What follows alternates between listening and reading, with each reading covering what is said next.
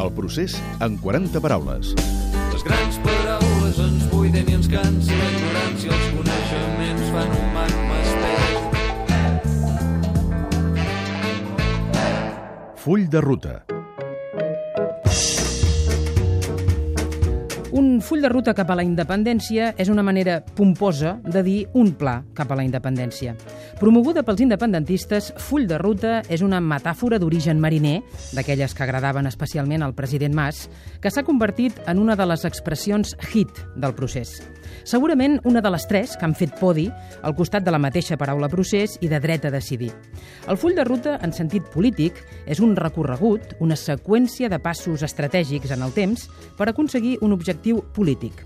L'expressió és importada de l'anglès roadmap, el roadmap dels pilots del Dakar, el roadmap dels senderistes a muntanya, doncs el roadmap de la independència catalana. És a dir, com i quan s'arriba a una Catalunya independent preveient i sabent esquivar entre bancs coneguts i sobrevinguts. Aquest eh, full de ruta que és vigent i que estem desenvolupant és sempre susceptible de ser reforçat, de ser millorat. En cap proposta del full de ruta presentat a la discussió de l'Assemblea es parla d'una llista unitària. Y yo le pediría al Gobierno de la Generalitat que viendo el fracaso del 9 de noviembre, que se replanteen esa hoja de ruta y que dejen de hablar de independencia para hablar de sanidad.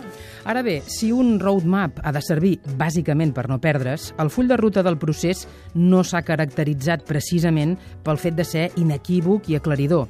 N'hi ha hagut diversos, d'un govern i d'un altre, que l'han anat adaptant al suport polític, electoral i social de cada moment. S'hi han barrejat plans B alguns estratègicament mai especificats. A més, el full de ruta sempre ha estat obert a possibles variacions si l'Estat s'avenia a pactar el referèndum. Al llarg dels anys han tingut fulls de ruta propis l'ANC, cadascun dels partits independentistes i fins i tot polítics de primera fila, a títol personal, com Artur Mas o Oriol Junqueras, n'han fet matisos. Tot plegat ha creat un cert galimaties. Eleccions plebiscitàries o referèndum unilateral. Comptem vots o escons. Declaració unilateral d'independència, sí o no? I en quins casos? Assemblea de càrrecs electes alternativa per si s'inhabilita tot el govern? Eleccions constituents, quan? Són només alguns dels dubtes recurrents que han debatut llargament polítics i tertulians dels dos bàndols i, sobretot, entre els del mateix bàndol independentista.